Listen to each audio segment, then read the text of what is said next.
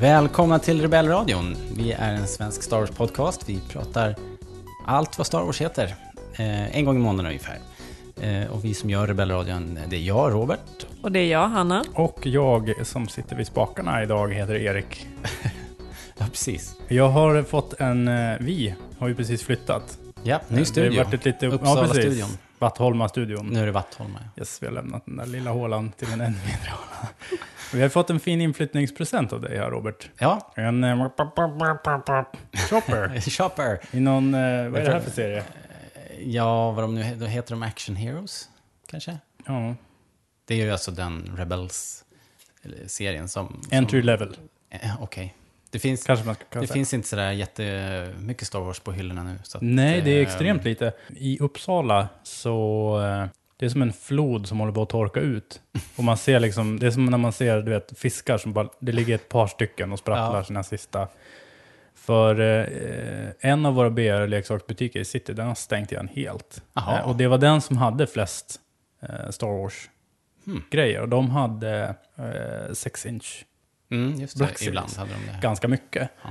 Och... Ja, de har ju eh, till och med haft de här deluxe-gubbarna. Mm. Den här speederbiken och Jabba the Hutt. Mm, de finns ju på Toys R Us också och det, det finns en sån i Uppsala. Men den andra BR-butiken som vi har, den är, den är liksom en sån här pytteliten. Mm. Och de har typ, alltså någon gammal namn typ som ingen ville ha. Ja. ja, det är be lite beklämmande. Vi har ju, I Solna finns det ju Lekia i Solna centrum som är en stor butik. Vi har jättemycket lego och sådär. Mm. Men Star Wars finns ingenting nästan. Nej. Alltså verkligen eh, the bare minimum. Mm. Några övervintrade actionfigurer Men och kan något det vara att Lego Star Wars representerar så mycket Star Wars? Mm, ja. att att barn inte riktigt behöver actionfigurer på samma sätt längre, utan man vill ha Lego Star Wars om man ska leka Star Wars. Jag tror det. Vi har pratat om det där förut någon gång va? Eller? Ja, det var länge sedan i så fall. Vad Ja. tänkte du på? Någon... Nej men just den grejen. ja, ja. Att, eh, att Det känns som ett segment som har krympt väldigt mycket i alla fall, just figurer i den där storleken. Ja, I för det är- största allmänhet. Mm, det, du kan absolut. köpa, det du kan köpa, det är ju just Lego Star Wars och sen typ Lego Angry Birds Mm. Ja. Star Wars. Men inte ens Angry Birds ser man längre. Är det så? Mm. Mm. Inte i mina krokar i alla fall. Så det är någon enstaka butik kan man hitta en Chopper. Mm. Men, nu har vi honom eh, här i alla inte fall. ens, det är första vågen. Det finns fortfarande inte att få tag på. Jag tror inte det är någonstans i världen att man kan hitta Hera och eh, Sabine till exempel.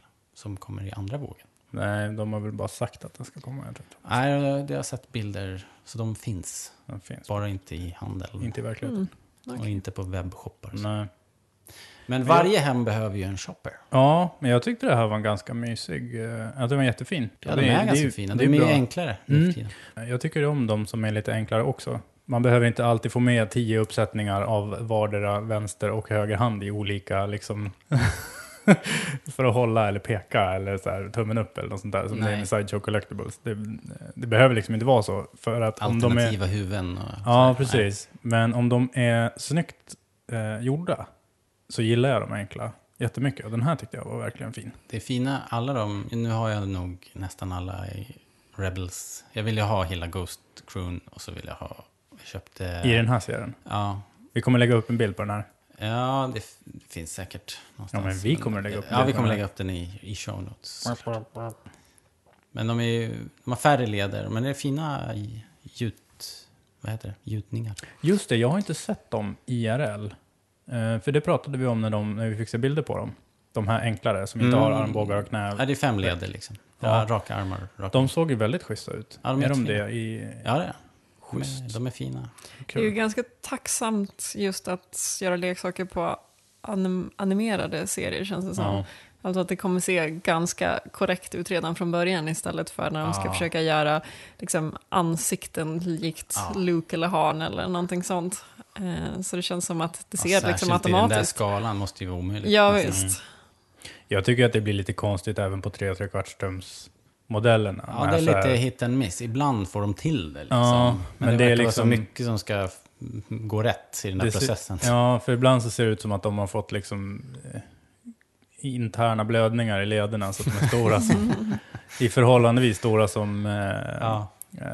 eh, handbollar. Liksom. Jag har en Big Starklight i Black Series 3 Mm. kvarts tums. Och den figuren är väldigt fin, förutom hans armbågs Lederna, armbågar. För de är liksom... Ja.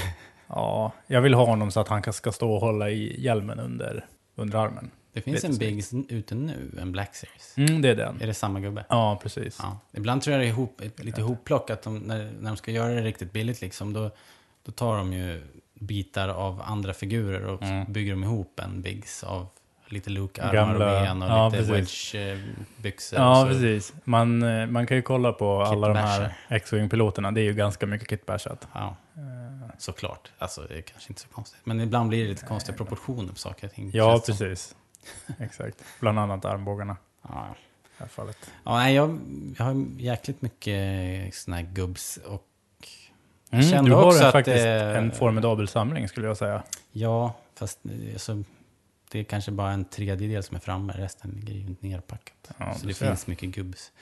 Men, eh, men vad ska jag säga, att de här nya som är enklare nu, de, är, alltså jag gillar dem. Mm. För att de, dels är de, eh, de blir rätt rena och snygga då när det inte är massa leder, att det måste vara massa kulleder överallt. Men sen så är de ju som de var. Det blir Mm. ju någon sorts nostalgi. Just det, Ja, precis. Att de är, det är väl de den andra grejen. 80-talet. För de, de första som kom var väl också sådär. Ja, samma lika. Nåja, Kul. det om det. Nu har ni en chopper i alla fall. Hörrni, vi ska, vi ska prata om lite nyheter idag. Vi ska prata om eh, droider i Star Wars. På tal om Chopper. På tal om Chopper, vi kommer att prata mer om Chopper. För han är ett exempel på ett, eh, ett litet dilemma som jag, som jag har hamnat i. Men vi, vi tar det sen. Vad har hänt då? Sen sist? Det som hände först, som jag skulle vilja nämna först, är inte Star Wars-relaterat. Men det var att Leonard Nimoy gick och dog här för en vecka sedan, ungefär 83 år.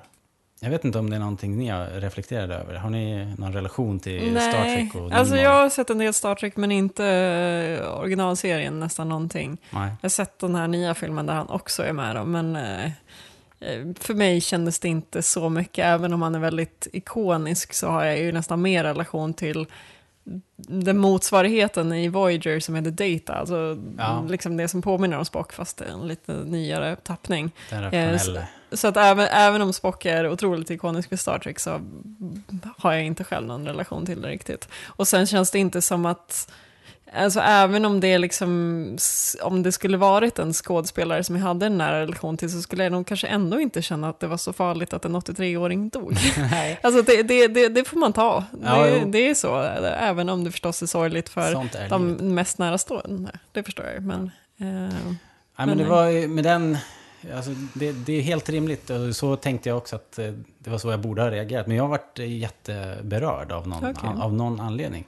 Och jag tror att eh, dels, dels är det väl för att eh, han, eh, han har alltid funnits liksom. En stor ikon. Jag, han är ju precis lik, nästan lika välkänd som Darth Vader. ja, det tycker jag. Ja, absolut. Spock. Och jag är ändå inte uppvuxen med tv-serien, för jag är inte säker på att den gick när jag var i den åldern. Alltså jag tror att om den gick i Sverige så gick den nog innan jag liksom... Ja, just det. Den var ju, vad var det, 70-talet från början och sen så Nej, gick det var den ju ju 60-tal till och med. 60-70, ja. Men den just kan ju det. möjligtvis ha gått på tv i Sverige någon gång i början på 70-talet. Jag För sen inte. gick den ju, liksom på 90-talet gick den ju på femman, Okej. eh, originalserien. Har Jag jag försökte, jag försökte tycka om Star Trek. Mm. Eh, Det gick inte så bra. Det var så här, jag har ingenting emot det, det är bara så här, ja, jag vet inte, det kändes lite... Nej, men det är precis. Däremot jag, jag så- har anammat det mycket mer nu på äldre dagar. Ja. Däremot så, min... Jag känner ju eh, Nimoy if, som Dr. William Bell i Fringe. Ja, just det. Och det är Just typ ingen det. som, alltså, för jag har, jag Ja, har, jag har sett honom, bara. alltså så här, jag, jag känner inte riktigt igen honom som Spock. Alltså jag vet ju hur Spock ser ut. Men jag har ju inte sett honom, alltså jag har ju ingen, kopplar ju inte gamla Leonard Nimoy till unga Spock. Unga Spock. Nej. Däremot, så, däremot så när jag såg Star Trek Into Darkness, bara, där är ju, där är William Där är Bell. jag killar från Fringe. Ja, precis. Den där CSI-killen. Ja, precis. Så det var ju lite, kanske var den enda. Eller vad han nu var. Jag har inte, jag har inte sett honom i Fringe. men Jag har inte sett Fringe alls. Det kan du göra. Ja, det är, nog, det är lite paranormal. Ja, Det är lite. sci-fi. Mycket. mycket. okej. Och det, det går ifrån lite till mycket. All right. Men den är bra i början. Den är är värd att se. Okej. Se den, men se den på en eftermiddag. Inte så här, samla inte familjen och titta på den för då kommer du bara bli besviken. Okej. Men den är schysst. Liksom. Ja. Bygga ja hur modeller som till, helst typ. så, så um, jag blev lite oväntat eh, Mm. berörd. Och det, dels har, har med kanske min, eh, min person att göra också, att jag är i den här åldern där jag noterar när gamla filmhjältar trillar av pinn och så känner jag mig mycket äldre själv. Du är inte ens där halvvägs va? Nej, det- jag är 42. Thank you very Ja, much. så att det är Men, lugnt. nej, nej, det är inte så att jag går omkring och har så här, äh, ångest att jag ska dö eller något. Men jag känner mig alltid lite äldre för varje sån här äh, ikon som, som dör. Du hamnar längre Jag läste Mm. fram på dessutom språngbrädan. idag att John Candy, det var 21 år sedan John Candy dog. Oj. Och då kände jag mig helt Ja. plötsligt otroligt gammal. För jag kommer ihåg det som, som igår. Ja, men den minns jag också. Det var ganska chockartat när han dog. Ja, ja, ja. Men eh, det jag, jag förstår lite vad du men, menar. Fortfarande så är det ju liksom så att de flesta av ikonerna är bra mycket äldre och man känner att det är en generation bort. Men det är klart det kommer börja kännas när de riktigt stora hjältarna också är ens egen generation. Eller som nu, tänker jag, att tar vi de nya Star Wars-filmerna så börjar det ju liksom bli en generation under nästan. Mm. Alltså vad är det, 20-åringar?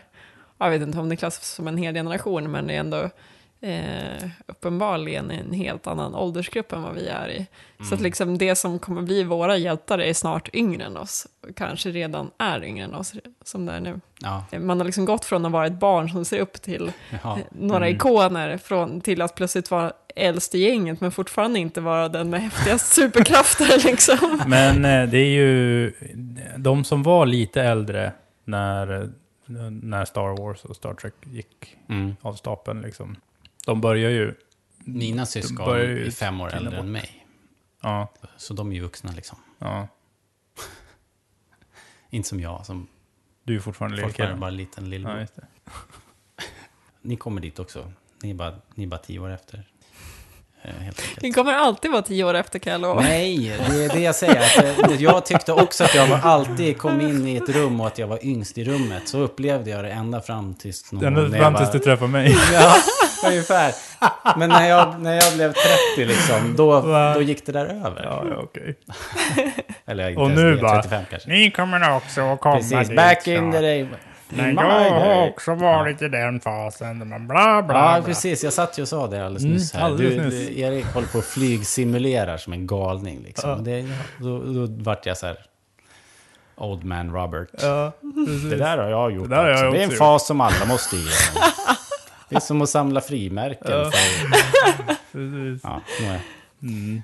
eh, Men skönt eh, att jag får vara gammal Nimoy. Ja. han, skrev en, eh, han skrev något avsked på Twitter. Typ. Han visste, det känns som att han visste att han skulle bort. ja, jag hörde ju in, i veckan innan att han åkte in på sjukhuset med typ lunginflammation. Ja. Något åt det hållet. Ja, det är Och inte bra om man är 80, vad var han, 84? Nej, så han hade rökt sönder lungorna, så han Mm. hade kol och det var väl liksom, det lever man ju med. Så att han eh, visste nog vart hän det barkade. Och så hans sista tweet eh, var, då skrev han att eh, livet är som en trädgård. Perfekta ögonblick kan uppstå men inte bevaras, förutom till minnet. Live long and prosper. Mm. Sen gjorde han inte det. Eller jo, han Eh, levde i och för sig Han hade ju länge. gjort det liksom. Ja, han han, var han hade levererat.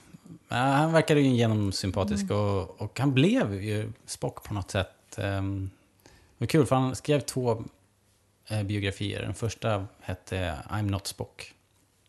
Sen skrev han en mycket senare som heter I am Spock. Så han eh, förlikades väl med sitt, eh, sitt öde. Och, eh, det känns Det att blir han- väl så när det han blir populärt igen. Eh, ja, han lyckades väl aldrig skaka det där av sig. Du kommer, öron se, du kommer se, när, när Episod 7 har kommit, då kommer alla de som inte ville vara med i Star Wars. Ja, Harrison Ford är ju redan... Ja, exakt. Mm. Och sen så kommer vi att få se Dennis Lawson som Wedge i Episod 8. Ja, det... Du hoppas fortfarande på det. Ja, Han kanske jag ska inte förvåna mig om han dyker upp här. Men om, man, om vi drar en parallell till Star Wars, vilken karaktär där tror du skulle kännas tyngst om hen lämnade oss? Eh, George Lucas, den dagen han Ja, dör, då kommer jag... Då, då, Då blir det gryn. Då, då, då eh, får jag nog dra ner och släcka och gå och lägga mig liksom. Sörja. Ja, ha en liten vaka. Ja, men det tror jag faktiskt. Även om det låter ju helt absurt när jag sitter och säger det här. Men Det är det, väl inte absurt med, tanke, med tanke på hur jag kände för Leonard Nimoy så är jag nästan Ja, men alltså, vad som det ju- hända det är när George Lucas Det är väl inte så konstigt. Du, är ju alltid, du går ju alltid i Georgs försvar. Eh, ja, något. precis. Mm, det tycker jag inte du ska tycka är Det konstigt. var någon Lyllos-lirare på, vad hette det, någon seriebutik i New York som hade, var det Midtown Comics eller något? Kanske var i Chicago, han hänger i räkning. Där hade George Lucas dykt upp. Mhm. Så tog de en selfie där mitt. I'm not gonna talk about... Nej, precis. Fråga ingenting om Star Wars. Vad, ni, vad ni än gör, om ni träffar George Lucas, så fråga ingenting om Star Wars. Nej, be honom prata om American Graffiti eller någonting. Det tror jag han vill. Ja, precis. Eller eh, så här, något politiskt. Mm. Svartas rättigheter. Om du skulle träffa Georg, Ja. vad skulle du, vad skulle du säga? Vad skulle du fråga? Ehm, då skulle jag fråga hur det går med museet. Skulle jag fråga då. Hur går det med ditt... Eh, Är det det du skulle fråga? Ja, skulle jag, Okej. skulle jag inleda med det i alla fall. Ja, precis. Vad Sen- skulle du fråga sen? Eh, Vad tänkte du? ja, precis. George, Episod 2. Vem sköt först? Ja, ja, just det. Det också. Vi släpper det. Apropå Harrison Ford förresten, han höll på att dö. Mm. Shit vad nära ögat han i den här flygkraschen. Har ni hört eh, den där vittnesbeskrivningen? Jag la upp en länk. Ja, det var någon Nej. läkare va? Läkaren. Ja. Det skojades ju om det, om man nu ska nödlanda någonstans så är det på golfbanan där alla läkarna är. Och det var så det här... Och så var det ju också. Oj, det, är så, det är som ett gammalt Bob Ja. Hope-nummer. Liksom. Just det. Eh, men grejen var att han startade och fick motstopp. Och eh, flög ett gammalt flygplan från andra världskriget. Alltså det var ju från typ 47 eller någonting. Ett Oj! veteranplan. Men då är det inte från andra världskriget. Eh, Ja. Nej, då svårt. har jag säkert vänt på siffror igen som vanligt. Men det Men var då- ju ett, ett World War II-era, någon skolflygplan. Ja, det Så kan ju vara från så. 37. Ja, i värsta För det såg ut som ett sånt. Det var jag har inte äldre- kollat upp på det. Äldre än honom i alla fall. Ja. Men varför fly, flyger man ett sånt? Men han, det är ju hans... Eh, han är som John Travolta. Jo, alltså jag vet att han tycker om att flyga, men liksom, vad, är val... När, man väljer riktigt gamla gammal skrangliga flygplan. Jo, men när en gammal bil liksom slutar funka, då är inte det samma sak som livsfara. Nej. Då är det mera bup, bup, bup, bup, Men det är lite som att åka motorcykel. Ja. Ja. Alltså för Ah, det är ja. ju ett helt jävla livsfarligt. Eller Ja. cykel, det är också livsfarligt. Men eh, det var bra att han överlevde. Ja, herregud, så nära ögat. För Det var ganska rejäla smällar. Han hade väl brutit rätt mycket, för att det är som Jag bäcken och ben han tror jag också. Jaha. Och när man är så pass han ju gammal. skurit sig i ansiktet ganska illa. Ja. Ja, alltså eftersom att han blev hospitaliserad när han gick in i en dörr. Ja. Ja, vad tog det? liksom, Två, tre månader? Så, ja, eh, ja. Men eh, vi vet väl ändå inte ens om han förväntas vara med i de andra filmerna? Eller är det Nej, sagt att det vet vi inte riktigt. Nej. Det har ju ryktats både och att han inte kommer att vara med. och Att han, Ja. alltså, att han till och med dör och sådär. Precis. Men det är Det- ingenting bekräftat. Det ville väl han? Ja, han Precis. argumenterade ju för det i att han skulle inte vara med då, då efter... Dels visste de ju inte om han hade inte skrivit på, så de visste inte om han skulle vara med i Jedi överhuvudtaget. Nej. De hade ju fryst ner honom där och där kunde han ju vara kvar eller inte. Liksom. De hade ju lämnat Mm. öppet då. Men sen vet jag att han argumenterade för att han skulle få dö, en hjältes död där eftersom... I Mm. sjuan då? Eller? Ja, Mm. Nej, i, i sexan, i Ah, okej. Mm. Men eh, han är ju en bra skådespelare för Hans Solo sägs ju vara en toppenpilot. Ja. ja, men alltså... Eller så kan man säga så här att han nödlandade Ja, istället för att kraschlanda. Han Och nödlandade för och, det gjorde krävs ju det... ju en person som vet vad man gör. Alltså han gjorde ju allt rätt. Ja, precis. Eh, För att-. Ja, För- att, att, man för sätter, att man sätter skeppet i backen är inte samma sak som att man är dålig på att flyga. Nej, nej. Han fick ju motorstopp. Mm. Flygplan trillade ju ner då, så det är inte Ja. så konstigt. Hur man än... Men han klippte ju en, en trätopp och sen landade han på en golfbana. Och jag Mm. menar, planet knäcktes ju, fronten på det var ju helt stukat. Och rätt ofta när man ser nödlandningar av, med sådana här gamla flygplan så flippar de liksom. Eh, Eftersom all vikt är långt fram så de bara tippar ju över. Och det läckte ju bensin överallt. Det kunde ju bara blivit en stor fireball av alltihopa. Så han hade Jag tror att Röta. den här olyckan kommer vara det mest tydliga tecken på att Harrison Ford är gammal. Alltså man glömmer liksom bort att han är gammal, men jag tror att han är i den åldern där det här alltså han kommer aldrig bli riktigt läkt från det här. För att Nej, liksom, risk alltså. bryter man saker efter att man, när man är äldre än 70, då kan det mycket väl sitta kvar resten av livet. Alltså det är Ja. inte så ovanligt att man liksom bara blir svagare efter en sån grej. Nej. Det kan vara att han fortfarande, ja vad säger man, har bra läkkött liksom, men det kan mycket väl vara så att han inte kommer klara av så jättemycket mer rent fysiskt efter det här. Eh, Det är ju Det har jättebra varit att han har över... liksom. Ja, det är jättebra att han överlever och det är ju liksom, det är vi ju förstås glada över, men jag tror att, eh, jag tror att man ska ta det mer på allvar än vad man kanske lätt gör, att just att han har brutit ben. för Att han det är kan- Indiana Jones och bara skakar av sig och, Ja, men eh, precis. Nej, simmar men, ifatt ur eh, båten och har fortsätter. man liksom, vad det nu är, brutit bäckenet, då kommer man nog inte gå normalt resten av sitt liv, Nej. jag tro. Vi får väl vi får se helt enkelt. Men eh, ja, ja. Det Ja. var en, eh, Word. en eh, Ryan PT22 Recruit som han eh, satte i backen. ja. Den är ifrån början av 40-talet. Början av 40. Så Ja. att om man, om man enlistade i och skulle iväg i andra världskriget som pilot så fick man öva en sån. Ja. Oj. Ja. Och enligt någon annan pilotgubbe jag hörde så var det, det var ett oförlåtande flygplan. Alltså, Det är ju snällt att ge eleverna det. ja, Mm. precis. Men det är ju också, jag kan tänka mig att det är en sån här grej som varför man, alltså ett oförlåtande flygplan, då är det ju så här, ja men en sån ska jag ha. Ja, lite så. Det är Alltså- flyga på riktigt. Ja, precis. Och sen tänkte eh, gubben Harrison Ford att nu ska jag ta ett flygplan som är ungefär lika gammal som mig själv, det blir nog bra. Ja, men, Jag verkar vara i toppskick, alltså måste flygplanet också vara det.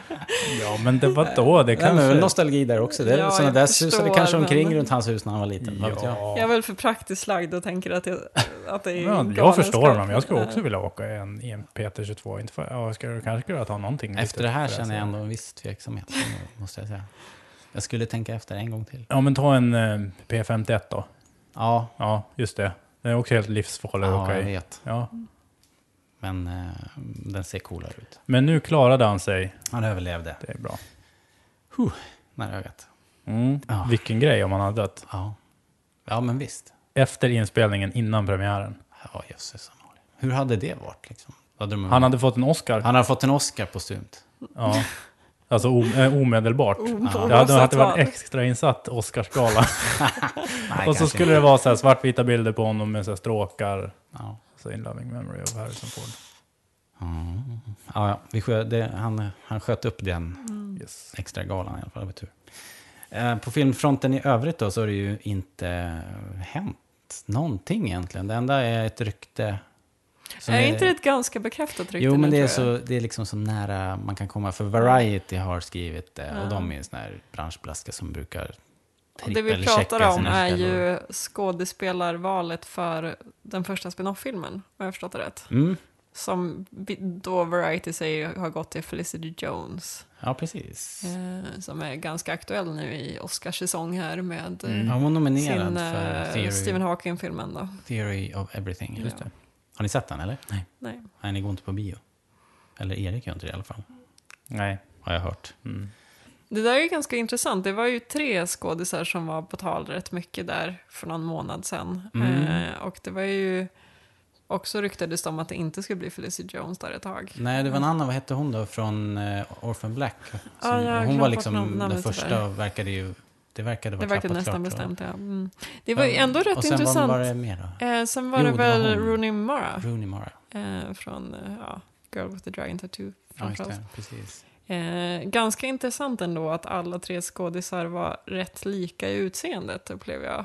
Ja, Alltså vita men med ganska mörka drag, alltså brunt hår, bruna ögon. ja. Vad tror vi om det då? Hon lär ju vara Leia. ja, men det var ju det. De var ju lite, lite väl lika kanske. Alltså inte Ja. lite. Nej.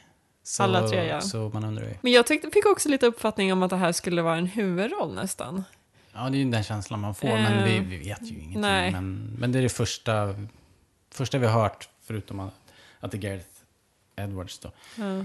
Det skulle Eh, vara Gary kul. Witt eh, som eh, har skrivit första utkastet, han har ju slutat. Ja. Det har, vi också, det har också hänt sen sist tror jag. Men som sagt, det har varit ganska tunt, tunt med filmnyheter. Men jag har inte sett henne i någonting. Eh, Felicity Felicity. Ja, är hon bra? Inte jag heller. Alltså jag tror att eh, den här Theory of Everything var nog, är nog hennes största roll. Om ska säga. Hon har ju okej. dykt upp i ganska mycket, de här Golden Globe och Oscarsgalan har vi ju Ja. sett henne. Men de snappar upp de här. Ja. Det var ju eh, Lupita Nyong'o också... Hon vann väl till och med för... Ja, eh, precis. Mm. Det var ju, såg ni, har ni båda har sett Oscarsgalan? Nej.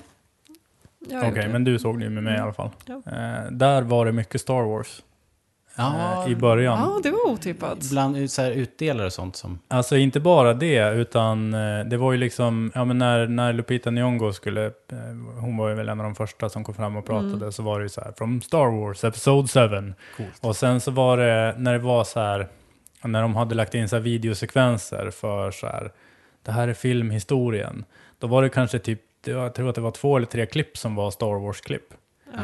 Och de hade eh, dansare som var inne och dansade som så här, ja men tänk dig typ så här Charlie Chaplin och så här kända, Ja. och, en, och så var det Stormtroopers. Jaha. Så att det var så här, Som dansade? Det var så, ja, Ja. så det var så här, Dance Troopers. Det, det Ja, var precis. uppenbart att de har liksom tänkt att 2015 är det nya Star Star Wars-året. Wars, Liksom. det var väldigt, Star Wars var väldigt närvarande. Och det är kul för att förra året så var Star Wars helt frånvarande. Ja. Lupita Nyong'o var ju typ, jag har för mig att hon var med någonting.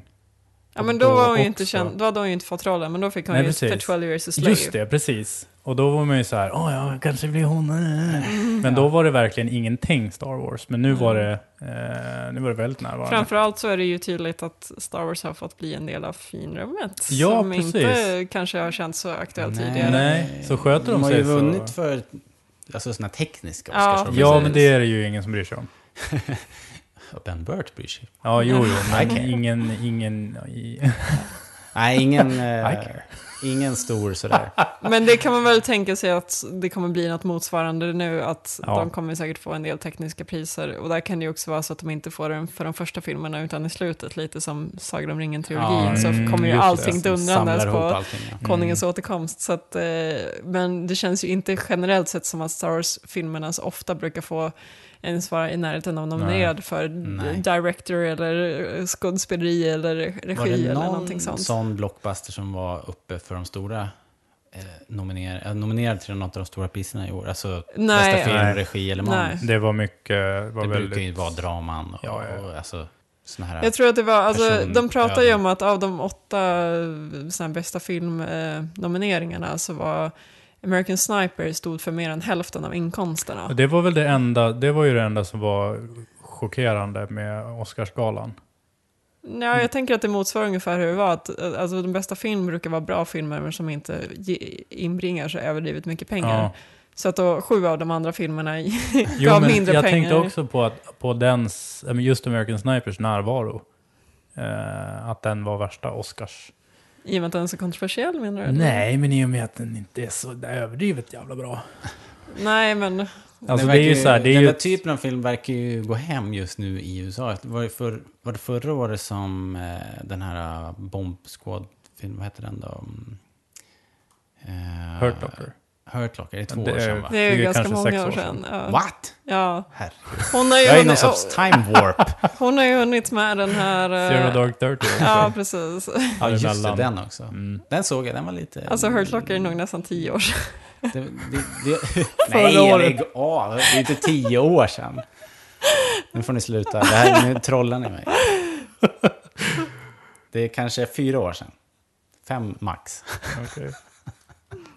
Nu Ja, snabbgooglas som det här. Och vi kommer ifrån Star Wars hela tiden. Vad är det här? Ja, det, är, det är nyheter. Det märks blir att vi inte har träffats på länge. Vi vill Sex bara år sitta och sedan. snacka. Sex år sedan, all right. all right. Men det har precis varit nyår, så att fem år sedan. Men det är Oscarsgalan. Och Ja, det ja. var Star Wars på Ja. Oscarsgalan. Ja. och det var så vi kom in på det här. Ja. Och det är, Men- kul, det är kul att det är så mycket Star Wars i överallt i alla medier och det är tidningar som kommer och sådär. Mm. Men eh, desto märkligare då att leksakerna lyser med sin frånvaro kanske. Ja, men det är som ett, det är som ett officiellt... Alltså Star Wars är väldigt, väldigt närvarande, förutom någonting officiellt. Mm. Det och det är ju väldigt, nu har de ju väldigt lätt att hålla koll på produktionen på Star Wars, för nu är det inte Alla, liksom rekvisita och nej, sets och sånt där, det är inte, utan nu är det ju liksom Fast det- stängda dörrar. Ja, fast grejen är att eh, den andra filmen, den här som vi pratade om med Felicity Jones som Gary, eh, eh, Gareth Edwards ska regissera, de borde ju börja plocka upp grejerna nu. Vi är ju inne i... Tror du det? Ja. Men det kan ju också vara så att de medvetet ligger väldigt lågt innan Ja. Episod 7-premiären. att Den kommer ju bara liksom kunna inte- ploppa upp så här. Nu är den klar. Ja, För vi har men- haft fullt upp med Episod 7. Men alltså, jag tänkte på det, det här inlägget som du la upp om så här, har du tittat på Episod 7-teasern idag. ja. Vilket man gör varje dag. ja. Det var ganska kul att när, just precis när du la upp den så hade jag gått omkring här eh, under dagen och bara “There's been an awakening”. Som man gör. Mm, Efter precis, frukost. som man gör efter frukost. Men att det inte har kommit någon trailer. En till? Ja. Nej men det, det kom ingen trailer på Super Bowl. Nej. Men var det det inte Age kom- of Ultron-premiären? Den har väl inte haft premiär ännu, eller? Nej, det är typ första maj. Men det, jag, jag tror de kommer hålla det till Celebration. Ja, just det, som. det är klart. I eh, April. slutet på april. Och det är i och för sig jävligt snart. Mm. Taggad? Ja, det är jag. Det är snart. Jag ska dit eh, och allting är klappat klart så här. Eh, Skönt. Men det har varit ett litet orosmoln för Peter här nu. Vi får se om han kan åka Oj eller inte. Jaså. Men eh, ja, vi får se.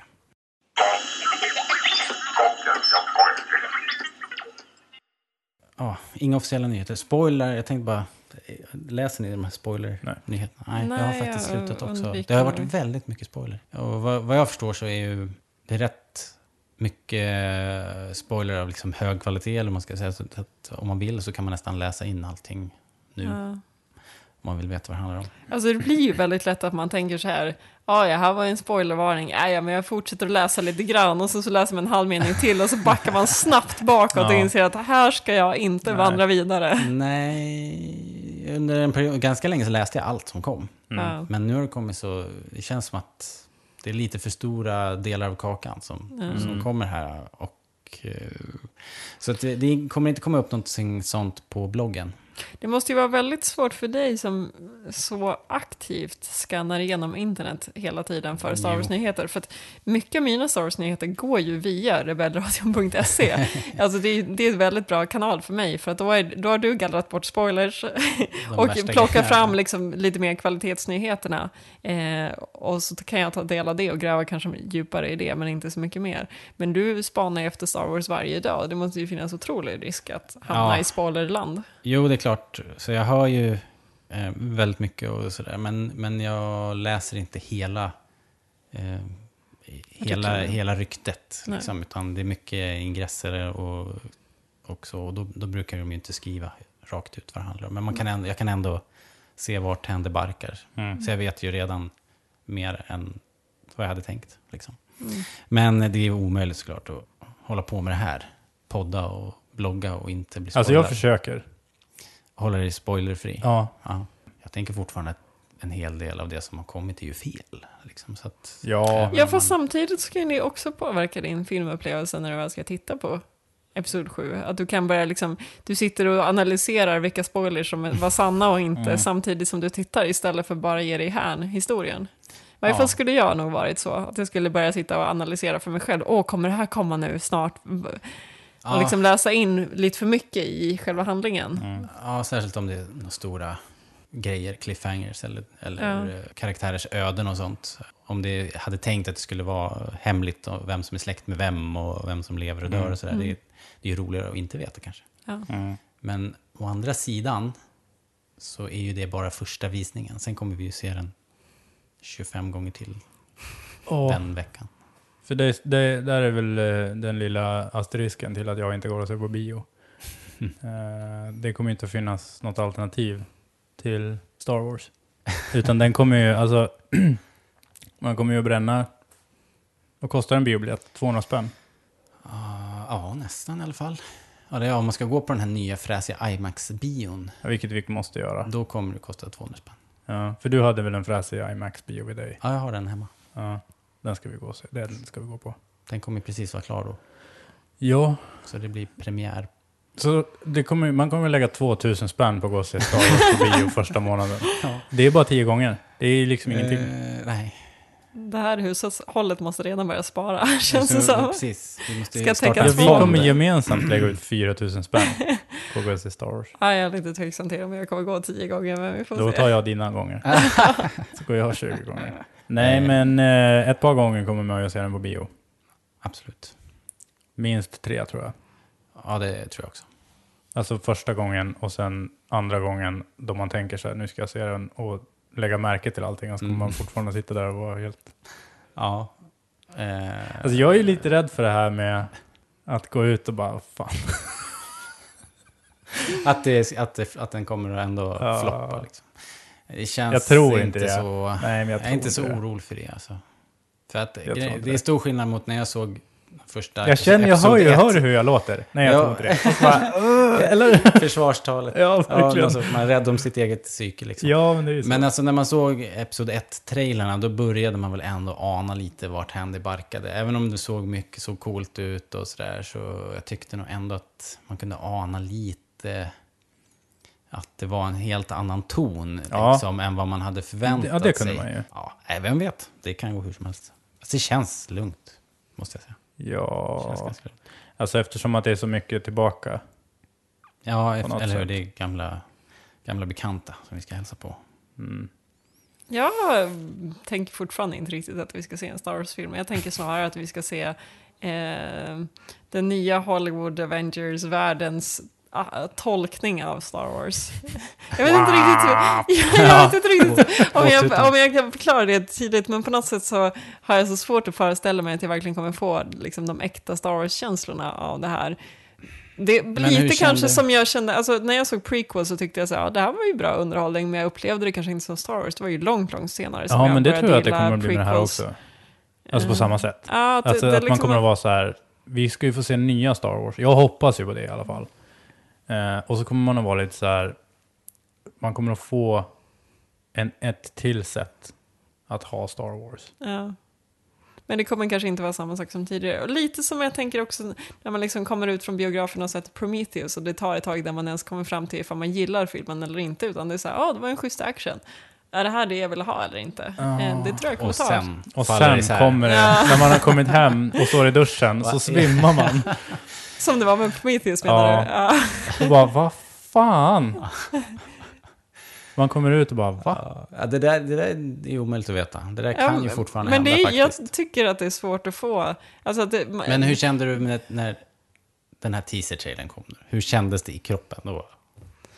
Jo, det kändes bra, men det kändes framförallt bra typ den femte gången jag såg det. Första gången jag såg det minns jag inte riktigt. Alltså, det, var liksom, det var så overkligt så jag vet inte riktigt för jag kopplade att det Men verkligen det var var Star Wars då. gåshud. Ja, det kom nog efter några gånger när jag insåg att det här är Star Wars på riktigt.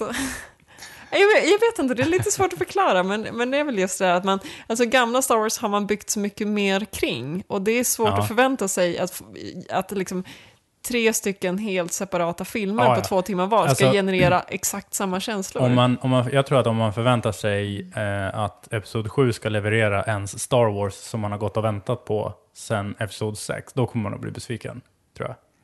För det är att ge den där filmen helt Ja, det är ju omöjliga. orealistiskt, liksom. Det går ju inte. Ja. Men, men där är vi ju redan. Vi är ju, man är ju som, som fan av den här kalibern, alla ni som lyssnar och vi som är här, man är ju redan... Eh, vi har ju redan ägnat alldeles för mycket tid åt att tänka på det här. Så att det är ju nästan alldeles omöjligt. för mycket tid tycker jag nog inte. Men alltså, ja, nej men det är ju sant. Alltså att, eller det är, det, det blir ju orimligt. det är höga krav på filmen från alla fans, det är det ju. Men eh, jag tror att om man inte är öppen för att få ett nytt Star Wars, det är då jag tror man kommer bli besviken. Mm. Att man kommer att få bra Star Wars, det, det tror jag är en hälsosam inställning. Alltså att Eh, om man väntar sig att det ska bli bra så tror jag att det är lättare att se de bra grejerna. Om man förväntar sig att det ska bli dåligt så kan man nog lättare... Alltså de, den första rymdvarelsen kommer ju att ha... Eh, den har ju liksom mycket att bevisa. Ja, men jag tror att den här ändå kommer... Det känns som att de... Eftersom det är fans som gör filmen och de, de har gjort sig lite besvär att gå tillbaks till den här äldre mm, bildspråket och Ja. looken på allting så tror jag ändå att den här kommer vara mycket mer förlåtande än vad prequel-trilogin är som är en helt, helt annan grej. Ja. Mm. Så vi, vi kan nog ganska lugna. Men det här är ju första gången som jag kommer titta på Star Wars och samtidigt ha liksom massa Star Wars-rykten och sånt i bakhuvudet. Eh, när prequels-filmerna kom så hade jag liksom inte alls läst på egentligen om vad jag skulle förvänta mig. Jag visste lite vilka skådespelare det var, men det var knappt. Eh, här är jag ju tack vare Rebellradion ganska delaktig i allting som bestäms och kommer och sådär. Så att eh, det ska bli intressant också att se liksom Star Wars utifrån det perspektivet, där man liksom faktiskt bryter ner filmen i filmkomponenterna och inte bara i liksom Mm. en Star Wars-handling.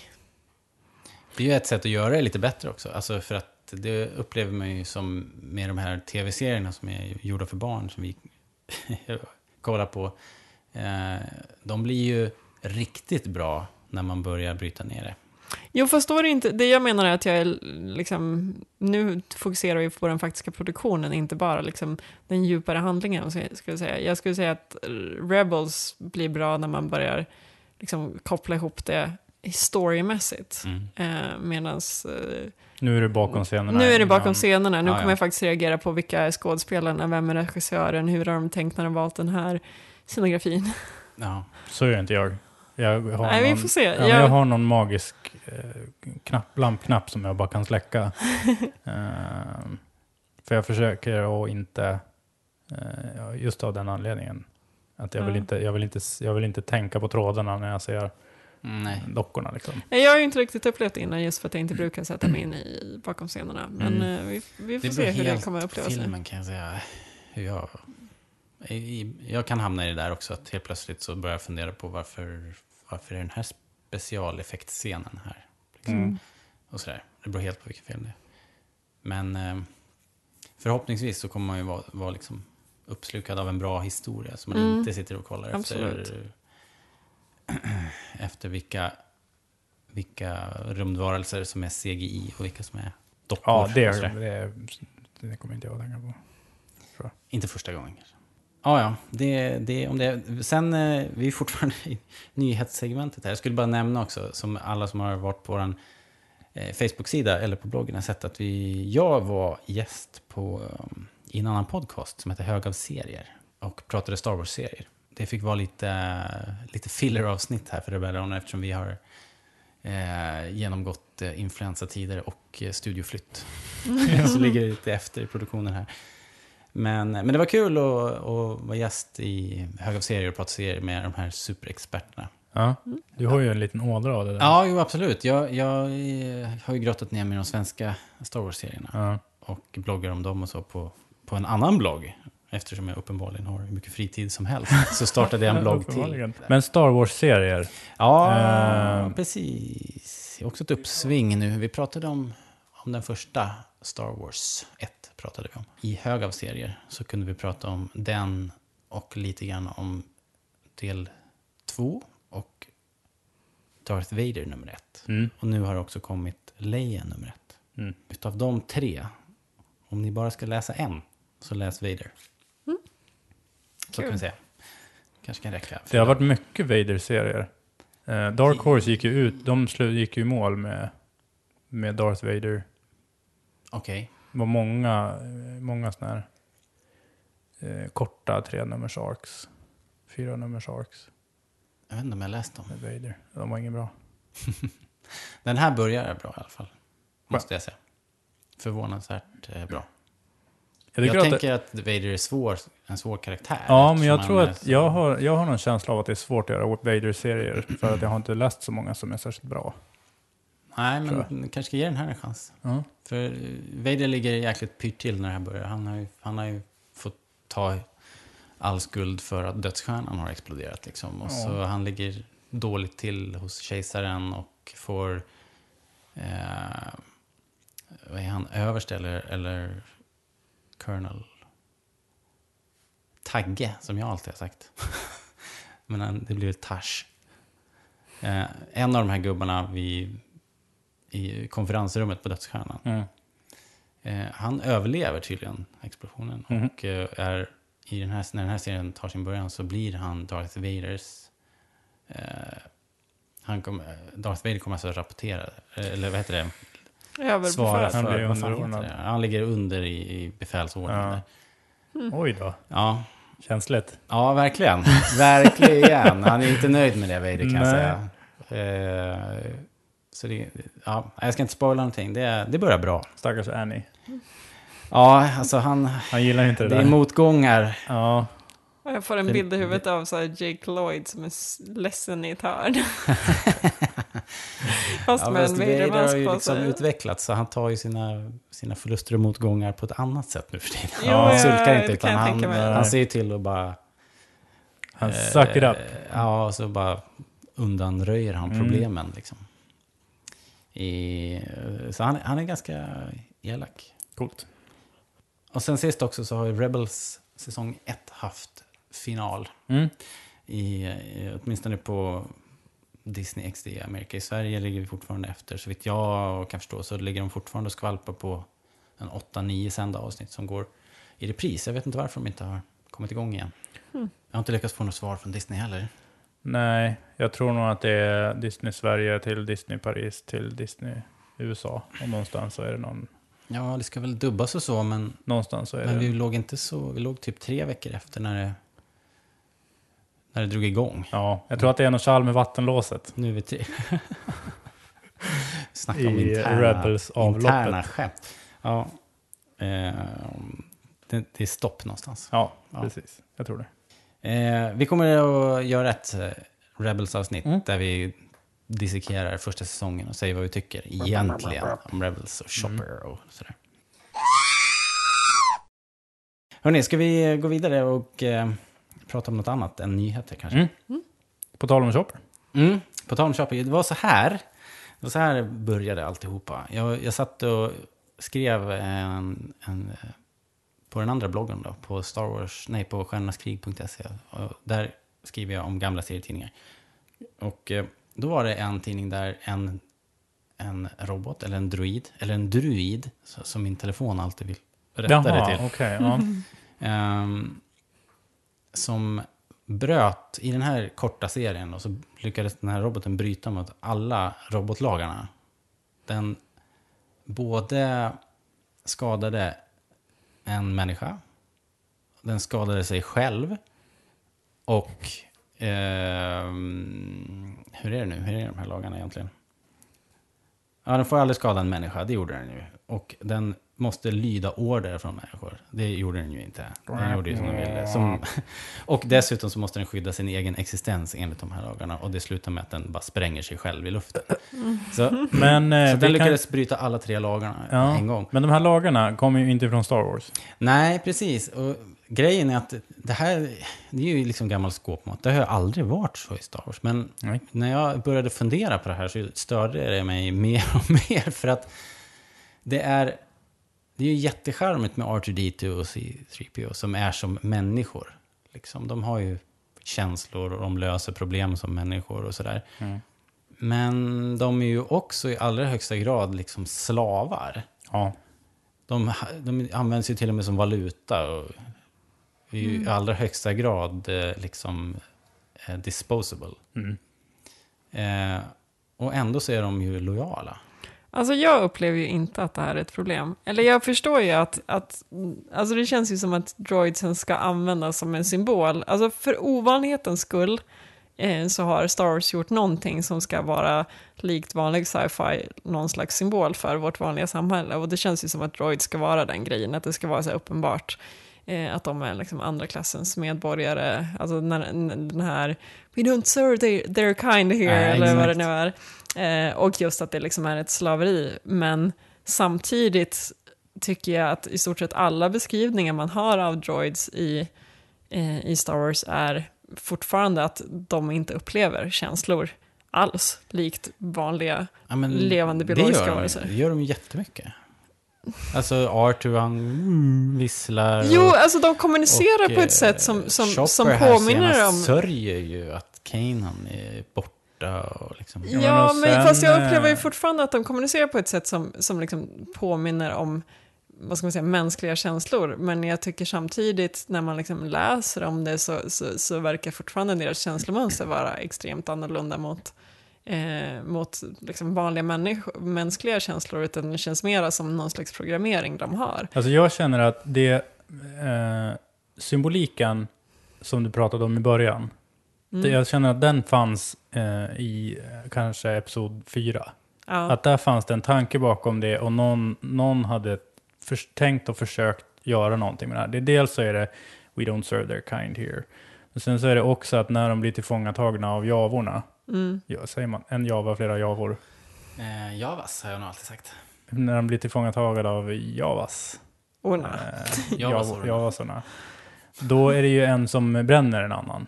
Ja, just det. Och den scenen är ju väldigt känslosam. Ja. Just eftersom att den ena är känslokall och den, en, den andra roboten får fysiskt ont av att bli bränd. Kommer du ihåg det? Nej, Ja, men du blandar den är det. Det är vänd- Javas plats de Ja, precis. på Ja, det är Javas palats. robotar. Just det. Ja, just det. Så men, är det. Ja, men Det det, är ju ty typexempel liksom. Men- att de beter sig väldigt Ja, konstigt. precis. Men jag tror att metaformässigt så försvann det där. Och sen så började, och då, där etablerades det, jag tror att det någon, någon försökte säga med det gick förlorat.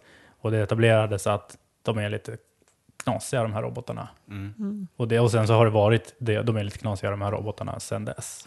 Men om man tar till exempel i Clone Wars, eh, då har vi, vi har lite olika droids där, men de här vanliga A1 Battle Droids var ju från början centralt styrda och sen så... fick- B1 Battle Droids. B1, het- finns det inte både A1 och B1? Ja, de här vanliga Roger Roger Mm. eh, motsvarigheterna, eh, de var ju från början centralt styrda och sen så fick de AI. Mm. Men de har ju fortfarande, det är lite så plåtniklas-grej Ja. över det. Men deras befälhavare har ju varit väldigt liksom så här, vad ska man säga, logiska, de här typiska som man ser överallt. Eh, så här, beräknar sannolikheten för att det här och det här ska hända. strategirobotarna. Ja, precis. upp. Som, som är liksom väldigt torra och stela. Mm. Eh, och, och jag menar, de här simpla B1 Battle Droids, de är lite så här, oh no, nu kommer Jedi så nu kommer vi dö. Ja, oh no, Och- och- not again. Och blir lite upprörda. Men jag menar, det måste ju fortfarande utgå jag från i deras programmering vara någonting som säger, försök att inte dö om det är möjligt. Ja, Alltså, precis. Och det är eh, samma, samma anledning till varför man skulle programmera in smärta i en robot. Ren självbevarelsedrift. Ja, alltså jag utgår ju från att det finns en självbevarelsedrift där eh, och att programmeringen säger Mm. att så här, så, här fungerar ni bäst, eh, gör så mycket, alltså på samma sätt som de här gamla robotlagarna så finns det ju någon slags logik kring det, men jag upplever fortfarande inte att det här ska tolkas in som mänskliga känslor, för att det är lite som när man liksom läser in mänskliga känslor hos husdjur. Alltså att Mm. Jag tror absolut att husdjur upplever och känner massa saker, men jag tror att det är fel att, att tro att det är samma sak som vi upplever och känner. Mm. Men det är ju, eh, alltså... Men varför gör de inte uppror? Liksom, om man nu har... Men för att ett- det inte ligger i deras programmering. Jag tror, det verkar ju som, det, det lilla jag Men de är läser... så och- uppenbart självmedvetna, liksom, robotarna i Star Wars. De är. Jo, fast de verkar få väldigt mycket njutning av att eh, utföra det de har blivit programmerade att göra. Mm. Deras AI är inte så... Alltså, det- AI är sån att de till viss del verkar kunna lära sig saker och förbättras.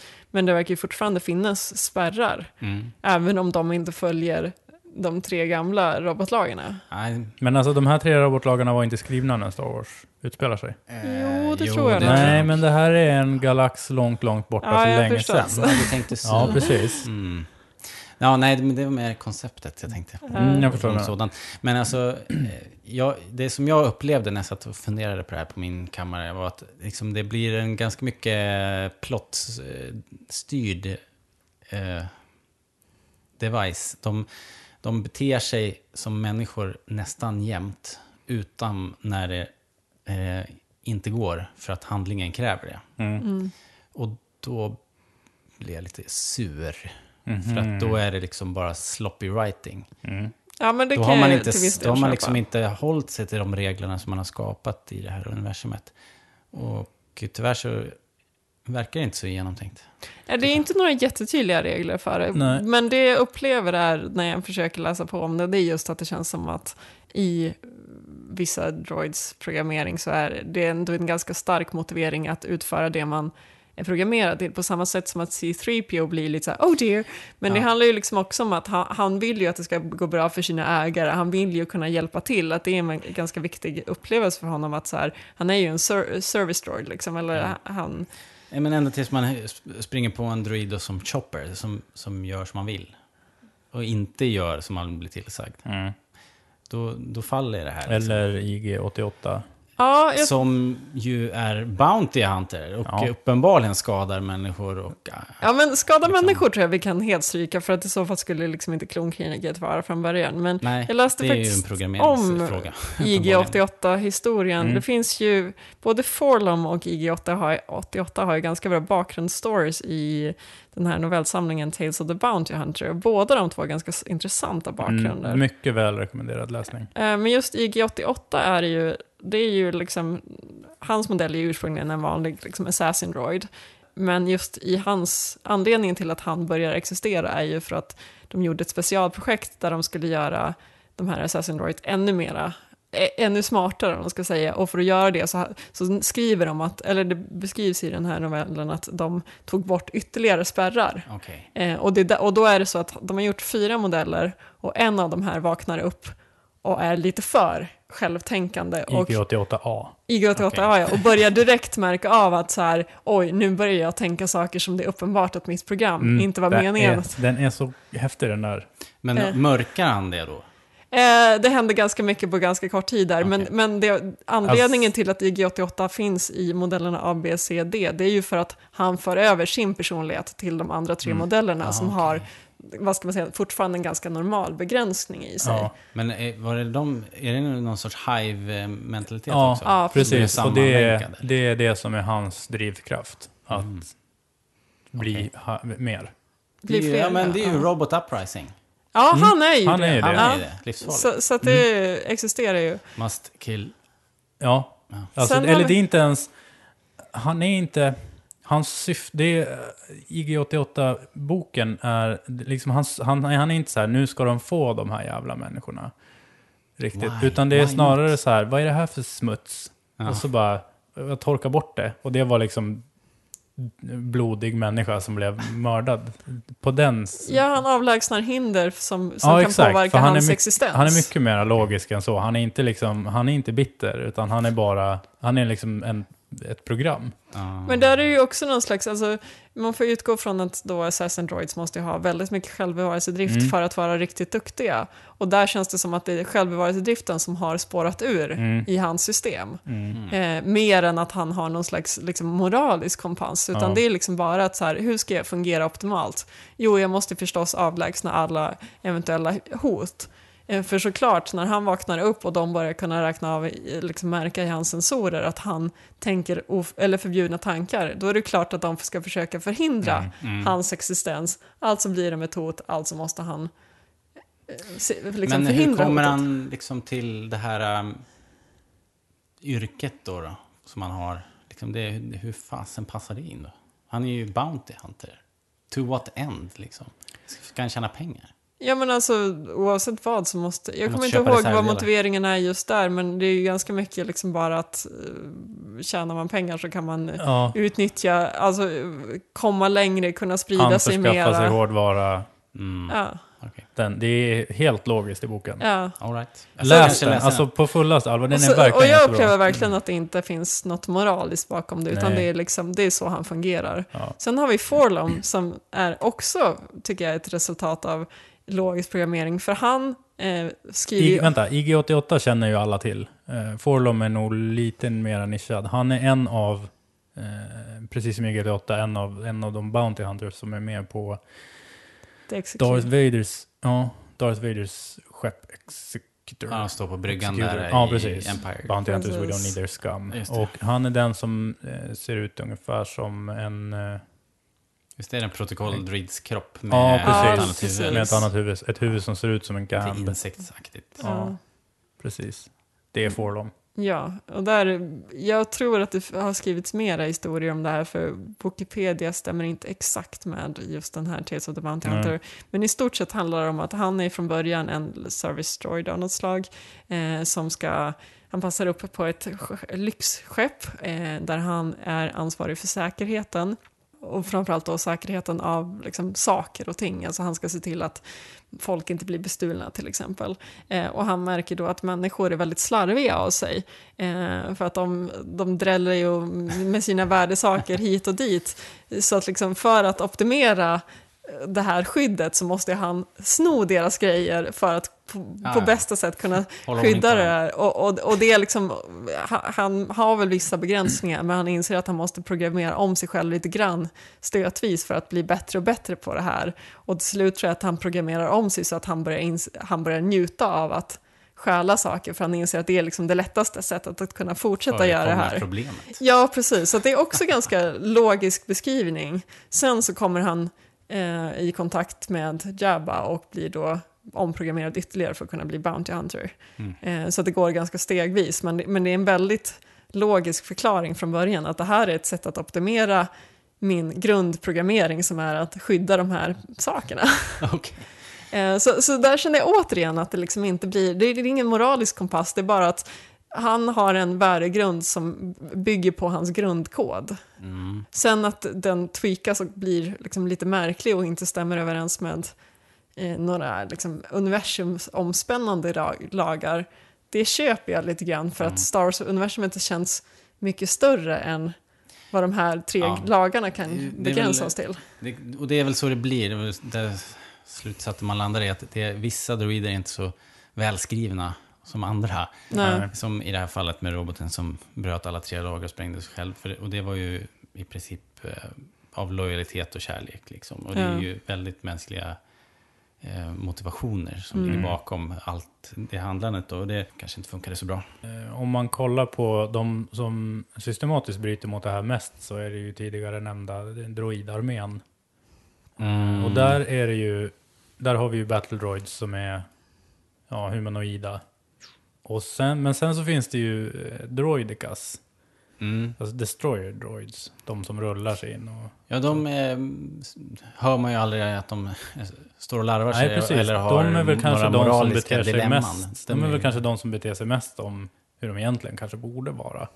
Ja, de är mer som en gräsklippare liksom. Ja, det är som, eller det är kanske så vi skulle göra dem. Ja. Fast det stämmer inte heller, för när man tittar på robotteknologin så finns det, viss, visserligen så finns det ju till exempel företag som Boston Dynamics som gör den här Big Dog, har du sett den? Ja, ja. Eh, Nu är vi i den verkliga. nu är vi i den verkliga Världen här. Man, man kan inte tro det när man ser Nej, den. nej, den är Googla YouTube på Big Dog, Boston Dynamics, så ska ni få det. Det är i princip fyrbenta robotar som kan följa efter människor, ja, lite sånt där. Men om man också tittar på den asiatiska delen Mm. av robotindustrin så är ju den helt annorlunda. För de är ju ute efter att ge, ge eh, alltså de skapar ju robotar i bilden av sig själva. Ja, alltså att exakt. det ska vara mäns mänskliga ansikten, mänskliga uttryck. Ja, de vill försöka... Det, det är en rätt stor del av industrin som riktar sig åt att försöka lura på något sätt ögat och att de ska bli så, få så mänskliga drag som möjligt. Ja, precis. Eller, be- be- Men det gör de ju fortfarande inte mänskliga. Eh, nej, de är långt ifrån. Ja, och jag tänker lite samma, ta den här eh, vad heter det, funktionen i iPhone som heter Siri. Mm. Eh, som ändå är liksom, ja, man, man ska via röststyrning så kan man fråga henne saker och hon svarar. Och, det, och i varje fall i de tidiga versionerna så kändes det nästan som att hon hade lite humor, för det var, det var ganska det. eh, mm, nästan galen eh, programmering där på vissa ställen. Men, men liksom det, det gav en känsla av att hon fanns på riktigt. Eh, och det är ju bara snyggt kodat liksom, Mm. och en bra AI. Eh, det, Ja, någon måste skriva varje respons ändå. Mm. Ja, precis. Men det känns ju fortfarande inte som att det är liksom, som att man på riktigt känner åh, jag har en liten vän i min telefon. Nej. Eh, så, så, att det, så det går ju redan nu att göra, eh, liksom, vad ska man säga, saker som påminner om mänskliga drag Mm. ganska bra. Eh, utan ja, att på något just de här sätt komma... telefonrobotarna börjar ju bli bra. Ja, jag hörde, hörde ni den här som de... En sån här försäljare som ringer upp. Som är en robot. Som de konfronterar. Oj, nej, det har jag inte. Det är ett jätteroligt klipp. Där det är en journalist tror jag som, som börjar ställa frågor till den här roboten. Så, är, du, är du en verklig människa? Och då börjar den här roboten att åla sig liksom. Säger inte direkt. Jag bara, nej, nej, det, här, det är en människa här. Ja. Och så håller de på och, och stressar den liksom. Och det enda som egentligen avslöjar den här roboten, det är att den, den dröjer lite för länge på responsen. Mm. Ja. När den hamnar i de här looparna liksom. Just det, när den måste Och till slut, då, så beräkna får den till slut så börjar den ju upprepa sig själv Just det. ordagrant och då, har, då trillar ju polletten ner. Men den är ju läskigt bra. Mm. Och det behövs ju bara att de får lite Mm. mer processorkraft där så kommer de ju lura. Mm. Ja, 90% av alla telefonsamtal kommer jag aldrig fatta att de snackar med en robot. Nej. Nu känner jag mig jättehemsk som påstår att alla droids i Star Wars inte är, eh, har känslor. Men, men det jag menar är att man kan efterlikna känslor ganska mycket utan att det på något sätt Mm. behöver finnas något moraliskt, en moralisk kompass bakom. Sen kanske man fortfarande kan tycka att det finns en poäng med att bry sig om att droidsen har det bra. Eh, Men, men det ska nog inte baseras på de värderingarna vi applicerar på människor eller på humanoida Star Wars-varelser. Mm. Alltså jag har nog angriper precis från andra hållet. Att Jag, jag ser de robotarna i Star Wars som, eh, som mycket mer mänskliga. Alltså att de är helt självmedvetna och har ett helt känslospann. Liksom. Mm. Och det var väl därför jag hamnade i det här eh, Mm. Dilemmat. Jag håller ju med om att Chopper känns eh, väldigt känslosam. Jag tycker att även att R2D2 är Mm. Alltså, i gränslandet. ja, Men de- det är ju nästan de enda två jag tycker är det stora problem. de, De jag tycker inte. de eh, tre stycken, det är C3PO, eh, R2D2 och eh, C110P. Mm. Yes, Räknar man bort, ja precis, räknar man bort de tre så är det ju inte lika mycket. Nej. Eh, för att alla de andra träffar ju dem robotarna, eh, robotar som de stöter på, är ju oftast mer robotiga Mm. Mm, än, vad de här, Ja. än vad de här tre är. Och man träffar ju på andra protokolldroider så här som, som upplevs som mycket mera robotstolpar. Ja, Oh, ja. precis. Men å andra sidan, jag tänker att R2D2 redan från början har ju använts eh, inte bara som någon mm, typisk astromech-funktion. Alltså det känns som att redan när man möter R2D2 första gången så, så känns det som att de har utnyttjat honom på andra sätt än vad han var designad från från Mm. början. Så att även redan här kan det vara, om man, tänk, om man går tillbaka till min lilla beskrivning att det bara har att göra med programmering så känns det som att de redan här har lagt in nya liksom, drivrutiner eller program som inte är bara den typiska Astromech-grejen. Mm. Han har verkligen För, liksom, alla appar. Liksom. ja, precis. Alltså, de har honom ju inte bara på skeppet utan han, är- han får vara med hela tiden. Liksom. Det som är konstigt då i så fall är att om, om då skulle... Det konstiga med Arthur är att han blir bara bättre och bättre. Han är ju liksom en superagent nu. Var det, var det så att de bara lastar på mer, då skulle han ju börja lagga liksom och bli seg. Jo, liksom. men han blir ju rensad då och då. om så här omotiverat. Det finns ju en, den största skillnaden på R2D2 är ju efter att Anakin slutar uppgradera honom. mm. Det är då han blir av med sina boosters. Och, Ja, de har ju försvunnit. ja, det är ju när Anakin slutar Jaha, uppgradera Mm. honom. okej. Mm. Men Agreements. R2D2 i varje fall känns det som den i Star Wars som de äh, som blir behandlad mest som en människa. Mm. Känner jag. Mm. Alltså att folk har ju väldigt starka känslomässiga band, Mm. framförallt Anakin då.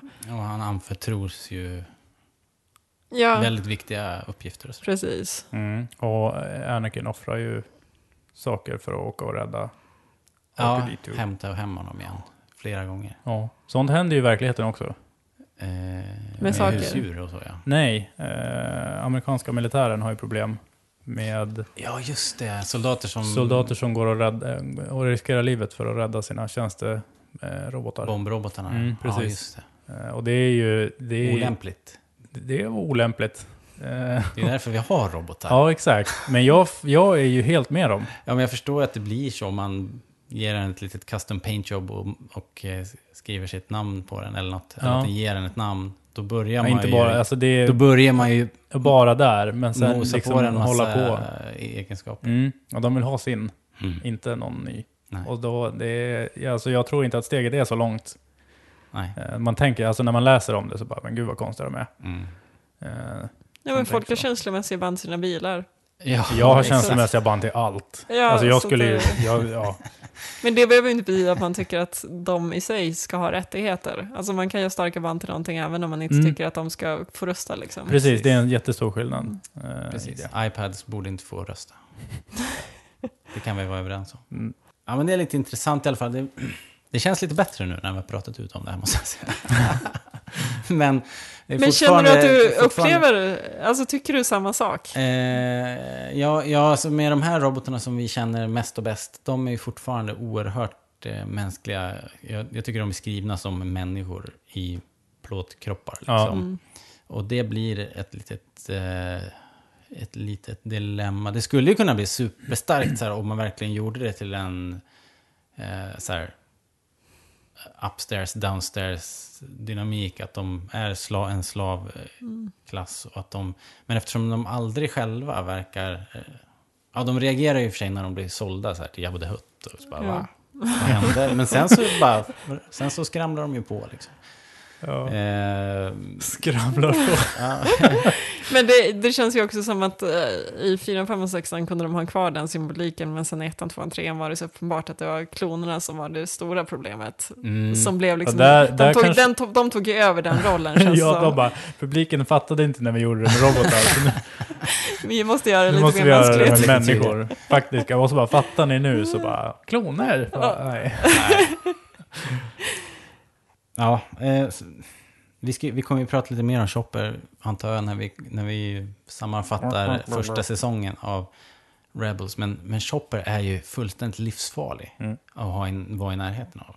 Han höll ju på att klippa huvudet av Kanan liksom. Mm. Så han stängde ju någon...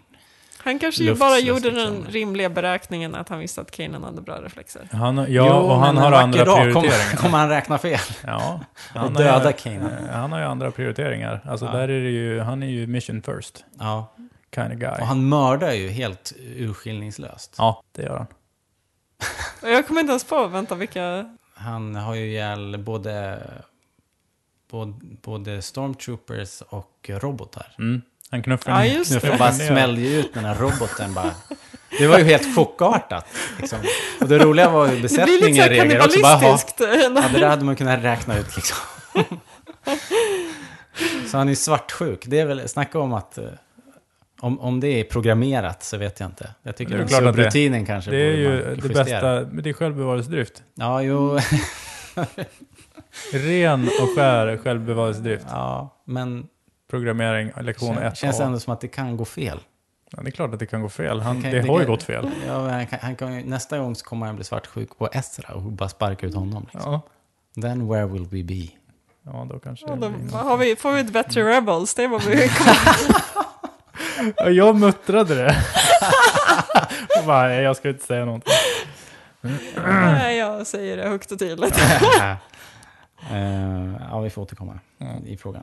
Hörrni, är det, något, är det något mer ni känner att vi vill, vill avhandla så här i... i Nej, men det känns kul att vara tillbaka. Ja, nej, vi säger ju varje gång att det är skönt att vara tillbaka. Det, det är för att det hinner gå en månad mellan varje Ja, gång. men nu var det, Det faktiskt fort. två månader Ja, nu var det lite drygt en Mm. månad. Ja. Så vi skäms lite, men nu är vi här igen. Nej, det. inte ska vi skämmas. Nej, men det var kul. Ja, så, men vi säger väl tack för den här gången då. helt Ja, enkelt. det var länge sedan vi fick lyssnarkontakt. ja för 17. Så Skriv, morsa gärna. Bara mors, det räcker. Säg hej. Eh, för att lyssnarskaran är eh, lite anonym ibland. Ja, Lite användarnamn åtminstone skulle man kunna be om. nej men det, Lite på handles. Facebook är det, ju, är det ju folk som Ja. interagerar Ja, och, och sådär. Lite, lite grann, lite mer och mer faktiskt. Mm. Eh, Så, att, så att det går åt rätt håll, men det är alltid kul att få e-post. mm. Om ni vill att vi ska peta i någonting eller göra något sånt så är det Mm. bara att säga till. Ja, om det är något ni tycker att vi ska tackla eller svara på eller ge våran synvinkel på. Ja, önskelådan är öppen. Så gör vi det. Eh, och då kan ni ju skriva till eh, rebellradionpodcast at gmail.com. Eh, Eller på Facebook. Eller på Facebook. Eller i kommentarsfälten på rebellradion.se. Eller på Twitter. Ja. At rebellradion. At Rebell. Som det står på hemsidan, på bloggen nu för tiden. Star Wars överallt, hela tiden. Yes. Okej, tack ska ni ha. Tack själv. Ha det bra. Hej då! Hej då!